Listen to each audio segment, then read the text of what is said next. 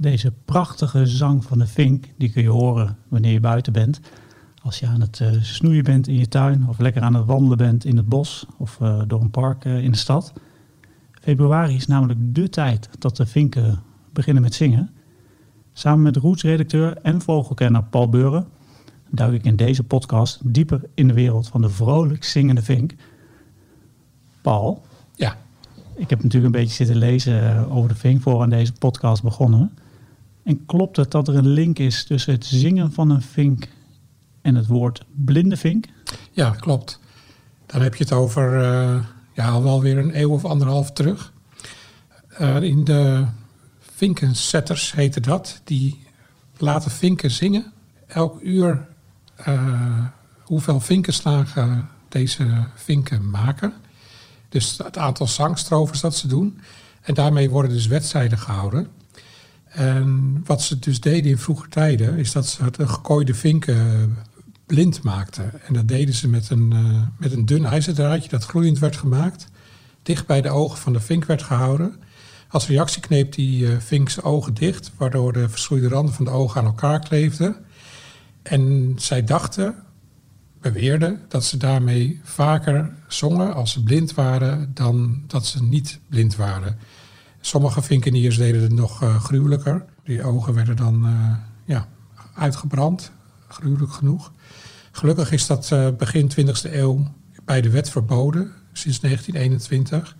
Maar die wedstrijden die zijn er nog steeds, met name in het zuiden van Nederland, Vlaanderen en Duitsland. Waar nog steeds vinken, vinken laten zingen. En het aantal, degene die, de, vinken die het meeste zingen per uur, die winnen een beker. Oké, okay, maar de term blinde vink, die komt dus, is afkomstig omdat ze eigenlijk dachten van als een, een, een vink niet goed ziet, dan uh, gaat hij mooier zingen. Ja, klopt. Helemaal. Maar hij zingt van zichzelf toch al heel mooi?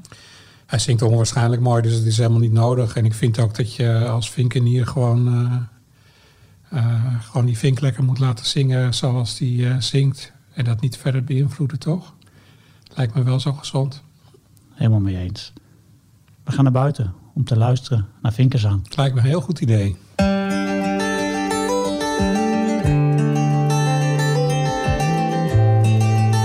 Roots presenteert Notenkrakers. De vogels fluiten buiten, wil je weten wie ze zijn? Kom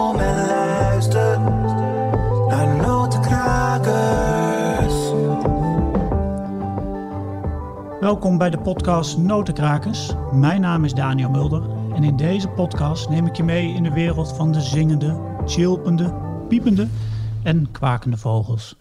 Maar voor we verder praten over de vink, ga ik even bellen met Timo Roeken van waarneming.nl om in Vogelvlucht te horen wat er recent allemaal aan bijzondere vogels is gezien in Nederland. In Vogelvlucht. Timo, goeiedag. Goeiedag Daniel. Ja, zoals ik net al even aankondigde, uh, ik bel iedere maand met jou om, uh, om even in Vogelvlucht te horen wat er allemaal uh, is gespot in Nederland. En dan hebben we altijd een mooi, een mooi lijstje die we even, even afwerken. En we beginnen meestal met, de, met een bijzondere waarneming. Wat is er voor bijzonders doorgegeven bij jullie? Nou, de, ongeveer de, de, de zeldzaamste vogel die op dit moment nog te zien is in Nederland, dat is de, de Mena-tortel. En dat is een, uh, dat in, Nederland hebben we natuurlijk ook een aantal duivensoorten. We hebben onze houtduif, we hebben onze Turkse tortel en uh, helaas niet meer zoveel als vroeger, maar ook de zomertortel. Dat is even buiten alle stadsduiven genoemd. Dat zijn toch wel de drie wilde soorten duiven die we hier in Nederland hebben standaard. En dan hebben we dit keer ook de Mena-tortel. Um, ja, en dat is een soort die heel veel lijkt op onze eigen zomertortel. Maar die komt hier absoluut niet vandaan. Maar nog even, nog even die naam duidelijk. Hoe, hoe, hoe zeg je dat nou? Ja, het is, het is, het is wat complex. Paul en ik gaan vast een poging wagen om dat proberen uit te leggen. Het is een Oosterse tortel. Ja. Um, en, um, en die noemen ze dan ook Mena-tortel. Mena, M-E-N-A. M-E-E-N-A. Oké. Okay. Oké, okay, dus uh, Mena-tortel of Oosterse tortel mag ik dus uh, zeggen. Ja. En, wat is daar zo, uh, zo bijzonder aan? Nou, ze komen, het meest bijzondere is dat ze eigenlijk helemaal niet uit de buurt komen. Um, het is een soort die voornamelijk voorkomt in, in, in Azië, dus van Centraal-Azië tot Zuidwest-Siberië. En dan de, de soort die hier dichtstbij, eh, of eh, de, de plek die hier dichtstbij is, is wel Iran. En het kan zijn dus dat er dus af en toe een, een vogel verdwaalt. En dat is eh, nu ook weer gebeurd. En dit is, ehm, als ik me niet vergis, is dit de tiende vogel in Nederland die nu wordt ontdekt. Waarvan vijf in Friesland. Dus mocht je hem ooit willen, ergens willen vinden, dat schijnt, dan schijnt Friesland dus de beste plek te zijn. Friesland voor de Oosterse tortel. Paul, Oosterse tortel Ja. of, of Mena-tortel hoor ik dus nu ook. Voor het eerst in mijn leven. Ja, klopt. Hoor jij dat ook voor het eerst in je leven? Vast niet. Nee, natuurlijk niet. Nee, daar, daar eh, zijn alle vogelaars eigenlijk 's winters tegenwoordig naar op zoek. Want de zomertortel is een lange afstandstrekker in Nederland. Dus die vliegt helemaal naar West-Afrika. Dus die is verdwenen eigenlijk in de, in de winter bij ons. En als je dus een eh zomertortelvogel ziet, dan, ja, dan ga je meteen eh, denken aan die Oosterse tortel. Omdat die eh, dan in de winter hier af en toe wordt gezien. En het is volgens mij precies een jaar geleden dat er eentje vlak bij mij in de buurt zat in Limmen, in Noord-Holland. En die zat ook bij mensen in de tuin. En daar ben ik een paar keer geweest om even te kijken. Ja, en wat, wat zie je dan? Behalve eh, een Oosterse tortel, hoe ziet hij eruit?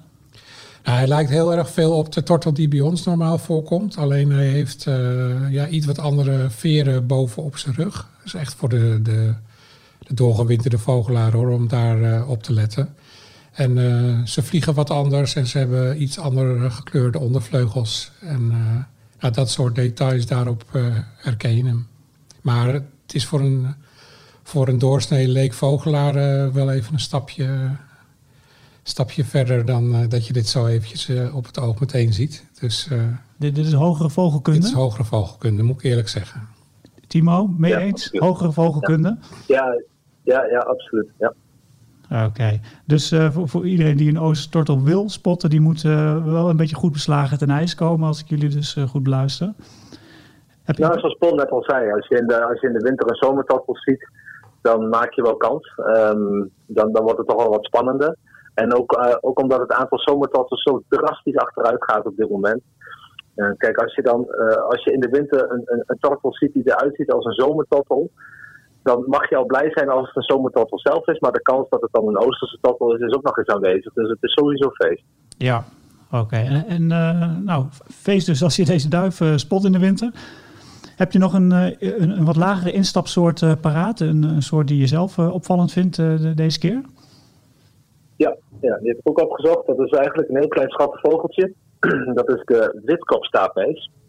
En we hadden het net over wat hogere vogelkunde. Nou, dit is, eh, dit is aanzienlijk makkelijker.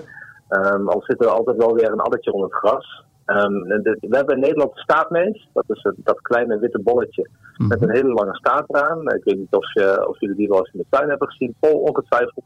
Zeker. Jij zegt, Ja. ook, nooit, jij zegt ook nooit eens nee, hè, dat, ik, dat je hem niet hebt gezien. Nee, hij komt nog wel een keer hoor. Ik vind dat jammer. Timo maar goed. gaat Nou, doen, we zoeken. doen we volgende maand, goed? Ja, is goed. Oké, ehm, de, de- er is dus een, ook een versie die komt wat verder weg. Die, eh, die komt wat richting eh, vanaf Polen en oostwaarts vanaf Polen. En dat is de witkopstaartmees. En ja, dat is eigenlijk een heel mooi staartmees met, zoals de, zoals de naam eigenlijk al verraadt, een, een witte kop. Dus waar je op moet letten is dat de staartmees die wij hier in Nederland kennen, heeft een hele mooie zwarte streep boven, eh, boven lopen. Die gaat langs het oog. En de witkopstaartmees heeft dus dat dus niet. Maar waar je goed op moet letten is dat er een hele duidelijke scheidslijn moet zijn tussen het zwart op de rug en het wit op de kop. Dus zeg maar de nek eh, rugstreep, die moet echt heel erg helder zijn. Want ja, we hadden het net over hogere vogelkunde en het addertje onder het gras, hier komt die. Ja. We hebben niet alleen de witkopstaartmees, we hebben ook nog eens de witkoppige staartmees. En dat is eigenlijk een hybride vogel. En een hybride waartussen? tussen de staartmees, zoals wij die hier kennen, Ja. en de witkopstaartmees. En dat noemen we de witkoppige staartmees. Ik vind het nog niet makkelijker worden hoor, eerlijk gezegd. Nee, maar waar, waar je op moet letten is dus een staartmees met een witte kop. Oké, maar Paul, jij hebt hem dus, eh ja. jij hebt hem dus alweer eens gezien. Dat, Nee, eh, nee, nee, die hebben we nog niet gezien. Oh, deze heb je nog niet gezien. Nee, nee, nee. Eh, Mag ik vragen waarom niet? Nou, hij zit vooral volgens mij nu in het noorden en het oosten. En ik woon dus in het westen. Ja. Het, het gebeurt wel dat er jaren zijn dat er, dat er heel veel uit het witkopstaartmeesje, zeg maar, uit het oosten hier binnenvallen. Dan komen ze ook bij ons wel terecht uiteindelijk. Volgens mij is het alweer een jaar of twee geleden. Maar deze winter heb ik er nog geen één gezien. Maar en waar zitten ze vooral? In wat voor gebieden? Kunnen overal zitten, elk park. eh, Ze, ze mengen ook met gewone staardenmees. Dus je moet gewoon goed opletten. En als je in de tuin gewoon zo'n Ja. groepje staardenmees voorbij ziet komen... eh, dan opeens zit er één tussen met een witte kop. Zijn er dan echt van die invasies dat er heel veel eh, binnenkomen? Dat, dat gebeurt gewoon eens in de zoveel jaar. Dan heb je echt groepjes met alleen maar eh. En dat, maar dat is wel echt spectaculair hoor. Dat gebeurt eh, eens in de tig jaar, denk ik. Ja, en eh Ja, Ti- klopt. Timo, want hoe vaak eh, wordt hebben jullie nu gemeld? Is dat gewoon bedruppelt af en toe een waarneming binnen of is het echt eh, bingo? Nee, het, het, het, eh, ik heb, ben even de cijfers ingedoken. En het beste jaar wat we tot nu toe hebben gekend, dat was 2010. Dat was echt wel een opmerkelijk jaar. Maar als ik zo eens naar de cijfers kijk vanuit eh, eind 2019 en dan eh, de eerste maand van eh, 2020 meeneem, dan zijn er eigenlijk ontzettend veel witkopstaartmezen gezien in het land. Ehm, en dat is misschien een, ja, misschien een beetje een, een, een, ge- een geheime invasie. Er zijn nog niet heel veel mensen die erop letten, maar eh, er zijn dit jaar al eh, eh, 83 waarnemingen doorgegeven. Dat is toch best wel veel voor één maand. Ja, en, en tot, tot wanneer blijven ze, eh, kun je deze vogel nog zien? Is, dat, is, daar, is daar iets over te zeggen? Ja, vroeger zeiden we natuurlijk altijd eh, als het weer warmer wordt. Ja, Eh, maar goed, eh, ja, ja, dat gaat niet helemaal meer op, want het is inmiddels ook gewoon 8, gra- 8 graden Celsius buiten. ja, Dus dat, eh, ik vind dat lastig, lastig te zeggen. Maar vaak zie je wel dat als, de, als, eh, als het voorjaar aanbreekt, dan wordt het wel langzaam aan wordt het, eh, wordt het eh, lastiger om een witkopstaartmees te, te treffen. ja. Oké, eh, nu, nu je het toch eh, hebt over het weer warmer worden of juist warm blijven, dat kun je misschien ook zeggen. Ik had het vanochtend met Paul even over, over de vink, hè, want daar gaat deze uitzending over. En eh, wanneer Ja. vinken weer beginnen te zingen. En dat is zo'n beetje eh, rond half februari. Maar Toen vroeg ik aan Paul van, eh, maar ja goed, het is nu al veel warmer. Was, misschien kun je ze nu al wel horen. En kun je er iets over zeggen? Worden er al waarnemingen doorgegeven van, van zingende vinken? Ja, die worden al doorgegeven. Ja, er zijn al mensen die, die, ze, die ze horen. Maar het is bij ons soms wat lastig om, aan, om, om te zien dan of het inderdaad om, om zang gaat. Want niet iedereen voert dan specifiek in dat het om zang gaat. Het kan natuurlijk ook een roep zijn. Eh, eh, beide, nou, eigenlijk bijna alle geluiden die de vink maakt, die zijn heel erg kenmerkend. En ehm, nog een leuk weetje over de zang van de vink. Ik weet niet, daar kan Paul vast nog wat over vertellen. Maar dat is, eh, vinken hebben echt wel een accent. Als je, als, je, als je een vink hier in het oosten van het land hoort, dan kan het al best wel afwijken eh, als je in het westen van het land eh, woont, waar Paul zit. En zeker als je bijvoorbeeld richting Oostenrijk gaat en in de Alpen, daar zingen ze, ja, het is dezelfde soort, maar het liedje is daar net wat anders. Want in de Alpen heb je echt gewoon hele grote, hele grote regio's waar ze een beetje eindigen met een soort grote bonte spechtachtige roep. Ja, en dat, dat hoor je hier eigenlijk in Nederland bijna nooit. Oké, dus ehm, dialecten onder eh, vinken. Dus Paul, bij jou zingen ze Ja. anders in de achtertuin dan... eh, ja, meer plat. Amsterdamse, hè?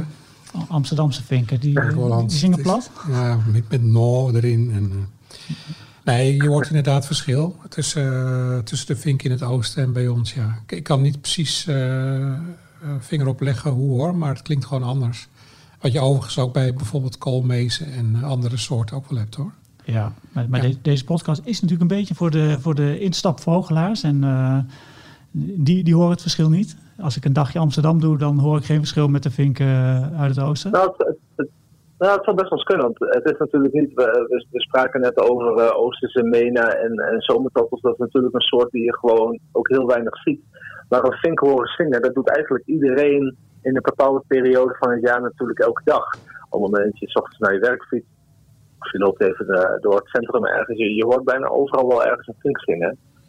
Ehm, dus op het moment dat je dan ergens anders bent en je hoort een vink zingen, dan heb je toch ja, onbewust misschien een soort verwachtingspatroon. En als je dat dan hoort afwijken, dan, dan valt dat toch veel eerder op natuurlijk dan zo'n zeldzame soort. Ja, dus eh, als je jezelf een, een- voor een uitdaging wil stellen, dan kun je nog even, even stil gaan staan en even luisteren of je misschien een, eh, een licht accent hoort in het eh, zingen van de vink. Ja, ja. Nou, dat, eh, dat lijkt me een mooie opdracht voor, voor, voor de mensen die naar deze podcast eh, luisteren. Timo, dankjewel voor je, voor je uitleg. graag gedaan. Dat was Timo Roeken van waarneming.nl. Hij werkt daar als projectleider. En ik sprak met hem over de Oosterse tortel, de witkopstaartmees en het dialect van vinken. En dan gaan we nu naar een nieuwe rubriek in Notenkrakers. De mooie vogelgeluiden die je hoort in, in deze podcast, die komen namelijk van de app Bird Sounds Europe. Henk Meulsen, die ook voor ons Vogelmagazine schrijft over vogelgeluiden, heeft veel van die geluiden voor de app opgenomen. En achter die geluidsopnames van Henk schuilen mooie verhalen. En daarom heb ik met Henk afgesproken op de Veluwe, om te luisteren naar het verhaal achter het geluid van de vink.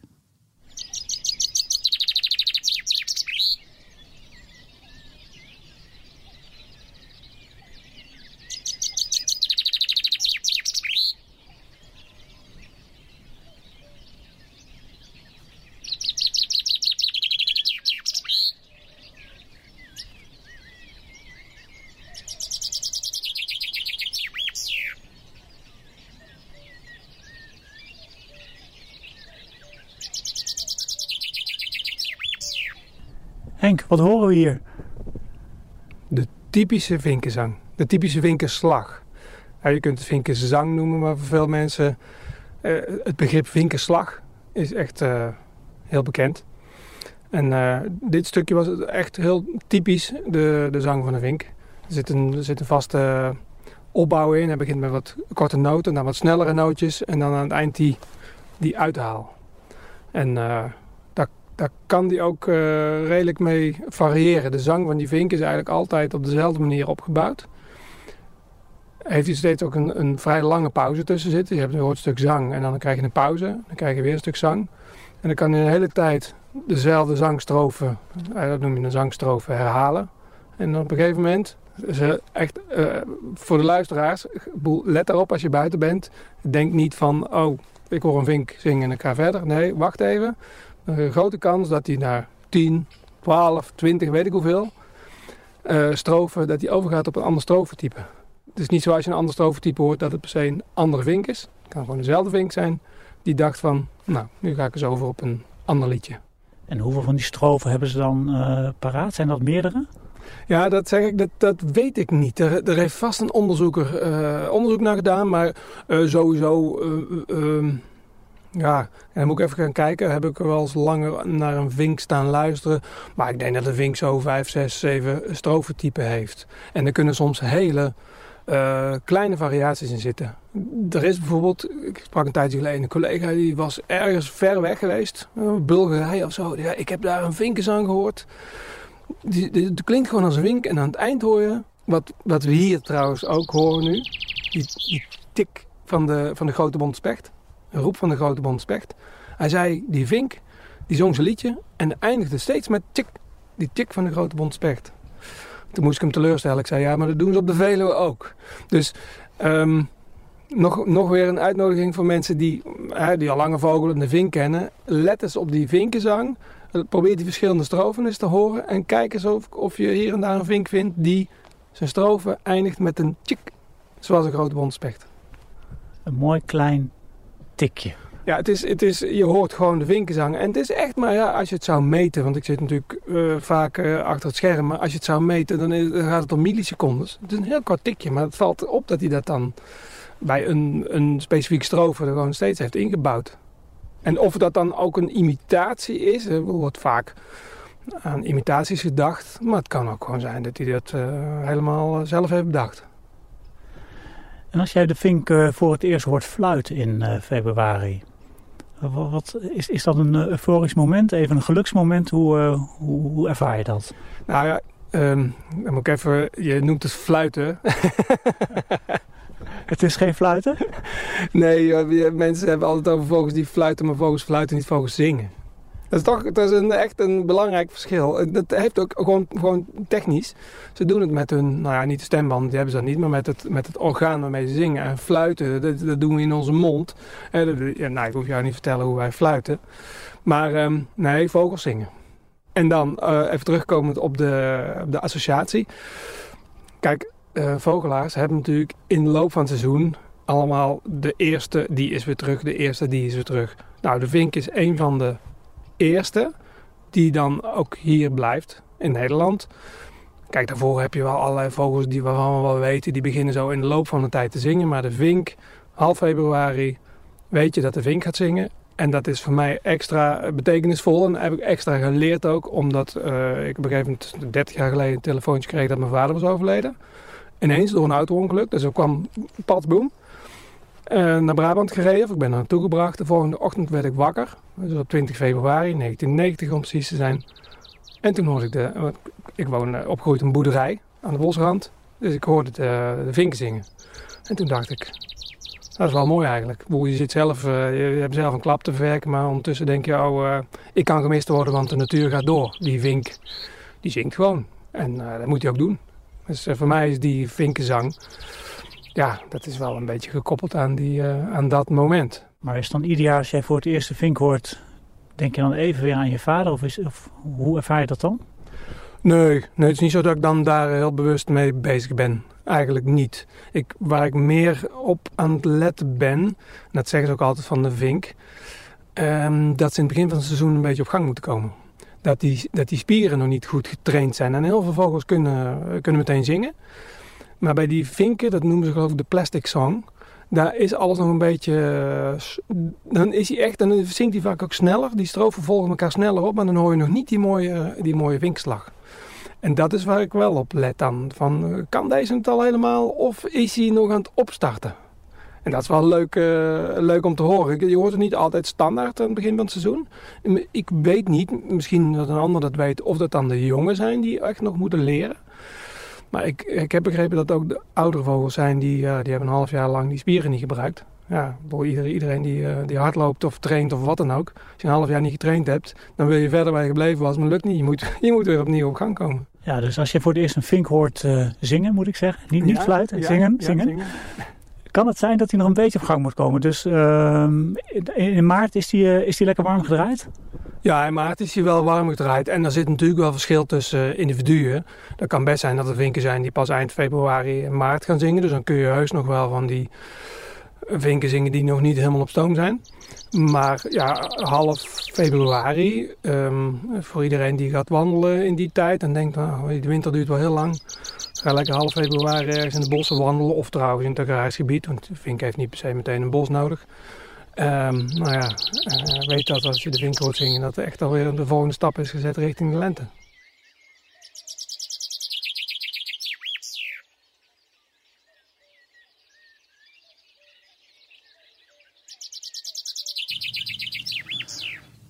Paul, we hadden het net al even met, eh, met Timo over.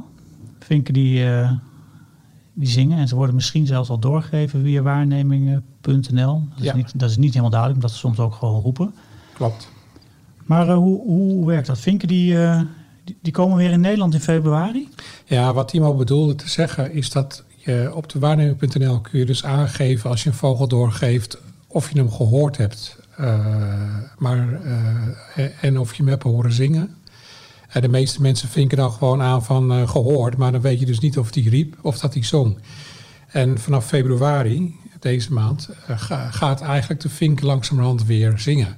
En eh, ze, nou, het is dus een vogel die in Nederland heel erg algemeen broedt. Het is een van de algemeenste broedvogels. Ook eigenlijk alleen maar toegenomen de, de afgelopen eeuw. Omdat de landschappen, parken, bomen in het westen langzamerhand eh, steeds hoger worden. En dat is eh, voor zo'n vink gewoon echt een prima plek om in te broeden. Dus inmiddels broeden er maar liefst een half miljoen eh, vinken in Nederland. Eigenlijk gewoon ook in heel Nederland. Zowel in de stadsparken als in de tuin, als in bossen, noem het maar op. En een deel van die vogels in Nederland trekt weg in de winter. Die trekken dan naar, naar, naar Engeland en naar Frankrijk. Heel groot deel uit Scandinavië trekt over ons land verder naar Zuid-Europa. Maar altijd dan vanaf februari, dan eh, gaan de mannetjes weer eh, als eerste terug vliegen naar de plek waar ze eh, eigenlijk origineel vandaan komen en broeden. En die beginnen dan met zingen om zo territorium uit te zetten en een vrouwtje te lokken. En dat, ja, eigenlijk is dat zo eind februari, maart, de, de tijd dat ze daarmee weer beginnen. Ja, dus, dus ze komen helemaal uit Afrika naar de Nederlandse tuinen, parken. Om Nou, eh, Afrika niet zozeer. De, de meeste vliegen door naar eh, eh, Zuidwest-Europa, zeg Portugal en Spanje. Er zit ook een heel groot deel in Frankrijk. Alleen de Nederlandse vogels die blijven over het algemeen gewoon hier. Mocht het nou een hele strenge winter zijn, dan willen ze nog wel door. in de, als het echt heel slecht voedsel zoeken is in de sneeuw of lange vorst, dan willen ze wel eens een stukje opschuiven naar Engeland of België, Frankrijk, zeg maar. Maar over het algemeen blijven onze vogels gewoon hier in Nederland. Ja, en ehm, de vink, kun je, hem eens, eh, kun je hem eens omschrijven hoe die eruit ziet? Ja, zeker. Een vinkmannetje is echt ontzettend mooi. Dat eh, is een eh, vogeltje met een heel mooi blauw-grijs petje. En een ja, oranje-rode borst en wangen. Dat valt echt op. In het voorjaar worden ze ook eigenlijk eh, met de week alweer mooier. In de winter zijn ze net een stukje doffer. Wat ook opvalt is dat ze als ze opvliegen in de boom de witte buitenste staart pennen. Het vrouwtje daarentegen, die eh, is eigenlijk heel erg onopvallend. Een beetje beige, bruin. Lijkt wel heel veel eigenlijk op een huismus. Vrouwtje huismus. Eh, we krijgen ook best wel veel foto's binnen van eh roetslezers. Van, eh, die dan een vinkvrouwtje hebben gefotografeerd. En eigenlijk helemaal niet kunnen zien wat het is. Omdat er nou, eigenlijk niet zoveel aantekening op zit. Behalve dan dat ze twee witte vleugelbanen hebben. En dat valt zeker als ze zeg maar, wegvliegen heel erg op. En daarmee onderscheid je de vink heel goed van de, van de huismus. Dus het vrouwtje is een beetje... Ja, beige bruin. Beetje tikje lichtgroenig misschien in de veer op de vleugel. Maar het mannetje, dat spat er echt uit. Heeft gewoon echt een blauw-grijs petje. Heel mooi rood op de, de wangen en de borst. En die, eh, ja, dat is een heel mooi vogeltje. ja, dus hij zingt niet alleen mooi, maar ziet er ook nog mooi uit. Zing- Zingen de vrouwtjes eigenlijk ook? Of? Eh, nee, die roepen alleen. Ja, oké. Ik heb net in het stuk met, met Henk heb je al een vink, een vink prachtig horen zingen. Ik heb nog een, nog een mooi geluid, Paul. Moet je eens even meeluisteren?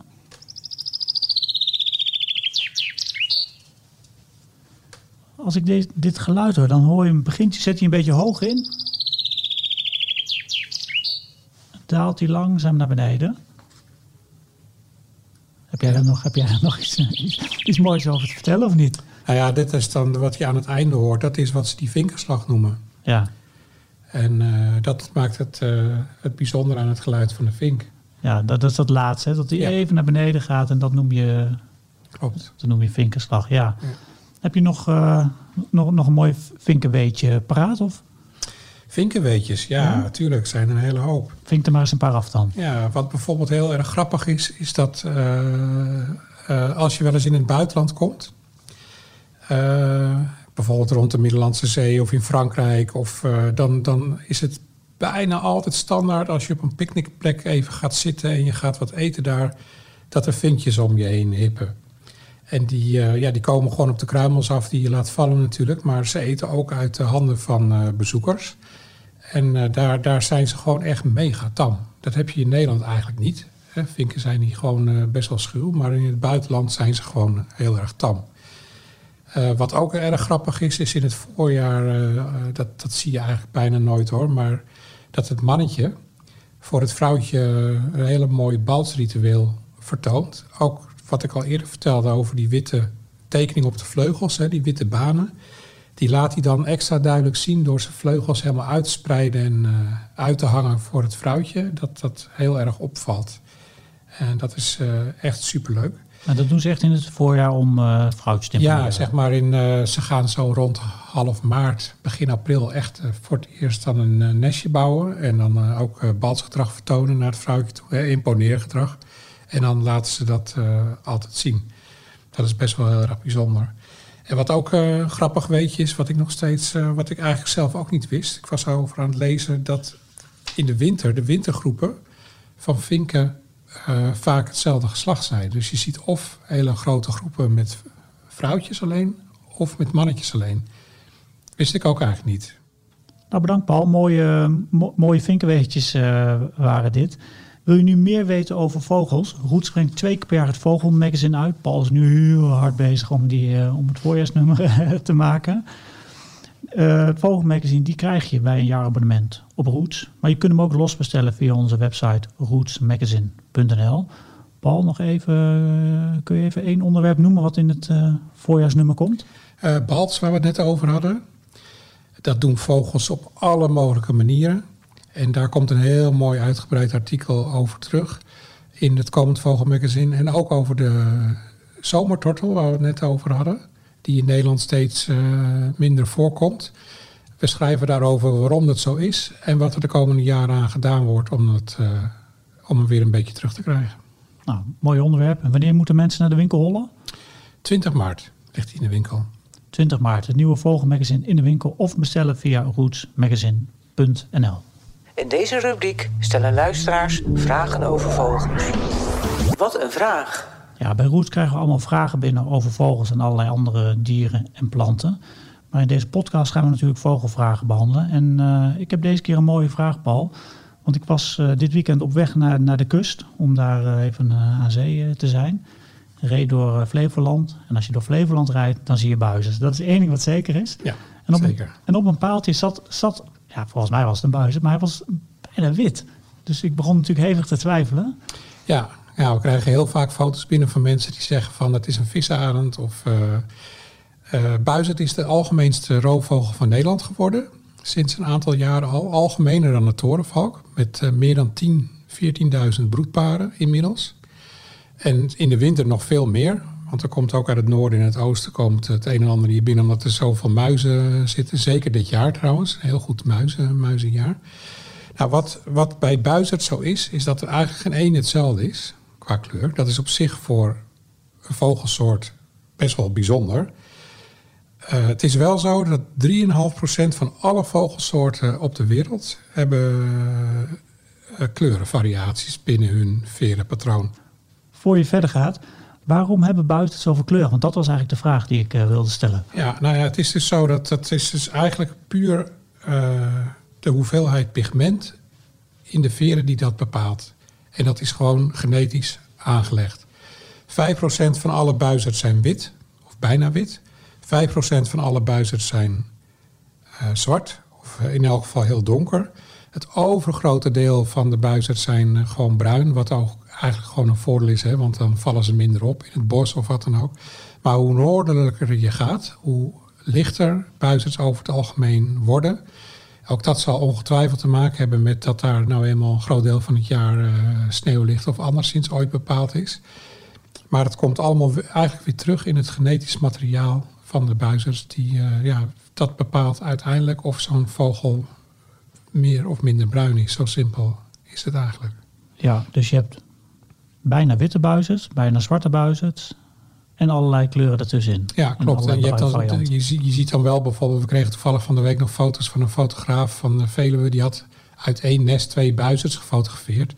Die allebei heel licht waren. Dus je ziet wel dat in bepaalde nesten, eh, genetisch bepaald, ook gewoon meerdere licht, lichtere vogels eh, voorkomen. En, eh, maar over het algemeen is het, het allergrootste deel van de buizers is toch over het algemeen eh, bruin of nou, in elk geval tegen het meer donker dan licht, laat ik het zo zeggen. Paul, bedankt voor je antwoord. Mooi, eh, mooi antwoord weer. Ik ben weer een stuk wijzer over, over buizerds. Heb je nou ook een vraag over vogels? Deze kun je sturen naar de redactie van Roots. En eh, mijn mail is het handigst. En dat kan op uh, info.rootsmagazine.nl. Stuur je vraag daar naartoe. En wie weet beantwoordt Paul hem wel in deze podcast.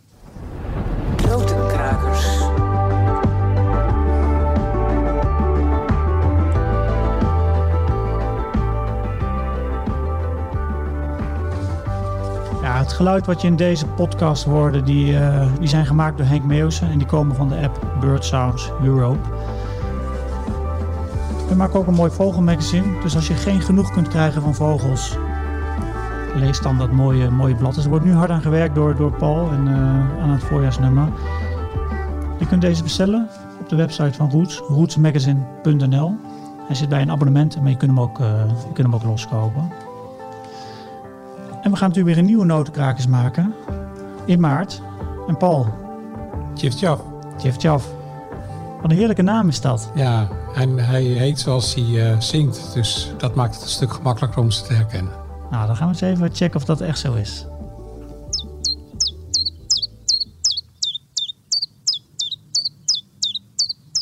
Ja, en dit is dus de vogelsoort waar iedere vogelaar vanaf de derde week van februari naar op zoek gaat.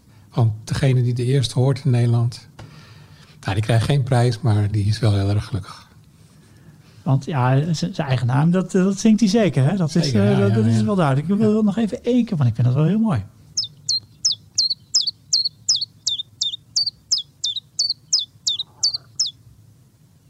Nou, mooi geluid. Een vogel die zijn eigen, eigen naam eh, roept, zingt, eh, voortbrengt. Ja, en als je hem hoort, dan is het voorjaar niet ver meer weg. Dus Dus de Chifchaf is een soort lente, lente aankondiger. ja, met zuidenwind komen ze binnen, dus dan komt de warmte dichterbij. Nou, volgende, volgende keer gaan we dus eh, dieper in op het eh, geluid van de Chifchaf. Ik ben heel benieuwd wat daar allemaal over te vertellen valt. Leuk dat je in ieder geval luisterde naar Notenkrakers. En als toetje gaan we eerst nog even luisteren naar dat prachtige geluid van de vink... waar je toch ook wel een klein beetje een lentegevoel bij krijgt hoor.